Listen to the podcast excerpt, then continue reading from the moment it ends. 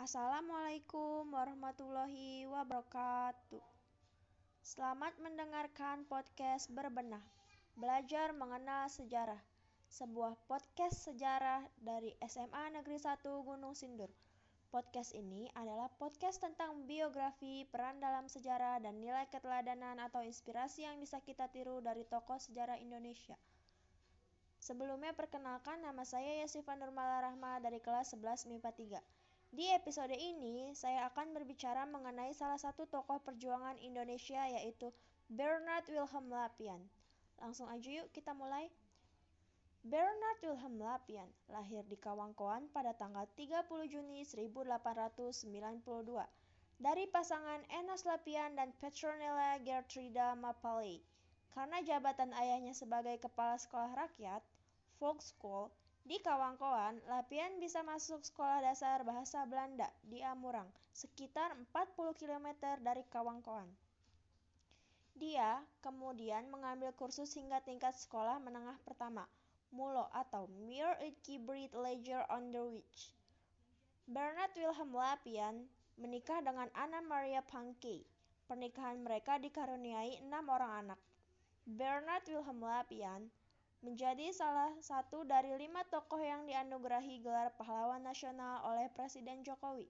Bernard Wilhelm atau BW Lapian merupakan tokoh Minahasa, Sumatera Utara yang terkenal dengan julukan pahlawan tiga zaman karena perjuangannya lintas tiga masa, yaitu masa penjajahan Belanda, masa penjajahan Jepang, hingga zaman kemerdekaan Indonesia.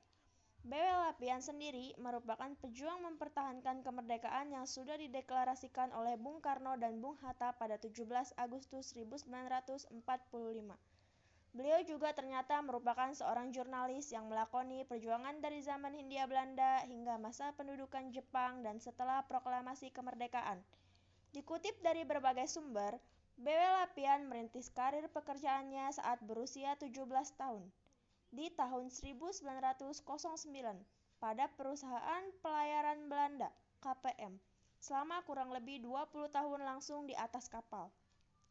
Tahun 1919, BW Lapian mendapatkan kepercayaan sebagai Hofmeister dengan tugas utama mengurus logistik kapal yang bermarkas di, di Batavia, Jakarta saat ini dan sangat tekun mengirimkan tulisan-tulisan kepada surat kabar pangkal kemajuan dengan inti untuk memerangi kolonialisme Belanda.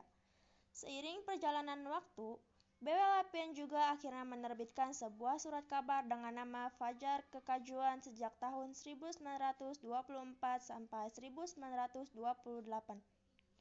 dengan tulisan-tulisan yang berhubungan dengan upaya untuk memajukan kesejahteraan rakyat Indonesia dan setelah itu juga menerbitkan surat kabar lokal di Kawangkoan yaitu Semangat Hidup pada tahun 1940.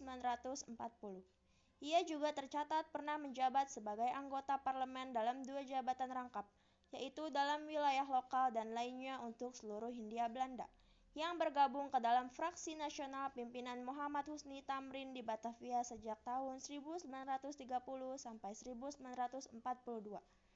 Di masa pemerintah di masa pemerintahan Hindia Belanda juga di mana semua gereja-gereja Kristen berada di bawah satu institusi Indische yang dikendalikan pemerintah, Bewa Lapian dan sejumlah tokoh termasuk Sam Ratulangi dan A.A. Maramis mengambil langkah untuk mendeklarasikan berdirinya Kerapatan Gereja Protestan di Minahasa, KGPM, di bulan Maret 1933. KGPM sendiri merupakan gereja yang sifatnya mandiri dan tidak berada di bawah pengaruh Belanda, di mana mulanya Bewel Lapian diangkat menjadi sekretaris dan selanjutnya ketua KGPM. Tahun 1938 serta membantu pendirian 16 sekolah dasar dan 17 sekolah menengah. Terlepas dari perjalanan kehidupan sang pahlawan sejak masa kecil hingga menjadi pejuang, ada satu momentum heroik dari BW Lapian yang sepantasnya mendapatkan apresiasi dan perhatian khusus dari masyarakat Kawangkoan sendiri.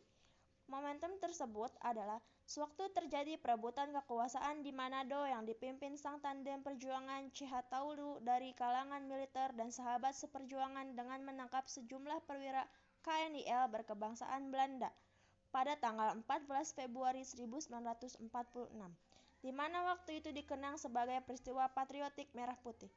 Bela Lapian yang pada saat itu menjabat sebagai Residen Manado ditunjuk menjadi Kepala Pemerintahan Indonesia di Sulawesi Utara hingga 10 Maret 1946, di mana saat itu Belanda kembali menduduki wilayah yang direbut sebelumnya. Bela Lapian dan sejumlah pejuang lainnya akhirnya ditangkap oleh Belanda dan dipenjarakan di Manado dan kemudian dipindahkan ke Cipinang Jakarta tahun 1947 dan Sukamiskin Bandung tahun 1948 serta dibebaskan pada 20 Desember 1949 pasca pelaksanaan konferensi meja bundar. Setahun setelah bebas, Bewe Lapian menjadi penjabat gubernur Sulawesi tanggal 17 Agustus 1950 hingga 1 Juli 1951 di mana selama menjabat, Lapian mengembangkan daerah yang berada di wilayah Bolang Mongondo bagi pemukiman serta pertanian. Selain itu, Lapian juga membangun jalan yang menghubungkan kota Mobagu dengan wilayah Molibagu, membentuk Dewan Perwakilan Daerah di seluruh Sulawesi Utara dan melakukan pemilihan untuk yang pertama kali pasca kemerdekaan di wilayah Minahasa tanggal 14 Juni 1951. Setelah pensiun, Bernard Wilhelm Lapian bertugas sebagai staf Perdana Menteri khususnya Biro Rekonstruksi Nasional berkoordinasi dengan provinsi-provinsi berkenaan dengan urusan transmigrasi. Bernard Wilhelm Lapian membantu KSAD Legend AHA Nasution dalam menangani masalah permesta dan mengaktifkan kembali surat kabar semangat hidup 20 Oktober 1960 guna mengimbangi siaran media pihak permesta. Tahun 1958, Bella Lapian diberikan penghargaan Bintang Gelia dan ia menerima Bintang Mahaputra Pratama sebelum meninggal dunia pada 5 April 1977 di Jakarta. Ia meninggal pada usia 84 tahun dan dimakamkan di Taman Makam Pahlawan Kalibata oleh Presiden Insinyur Joko Widodo. Bella Lapian dianugerahi gelar sebagai pahlawan nasional dalam upacara di Istana Negara tanggal 5 November 2015.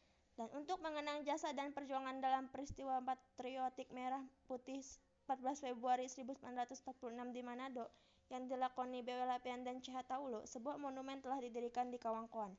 Dari tokoh tersebut, kita bisa mengambil nilai keteladanan atau inspirasi, yaitu belajar secara sungguh-sungguh dan tidak pantang menyerah, memiliki patriotisme atau rasa cinta dan setia kepada tanah air.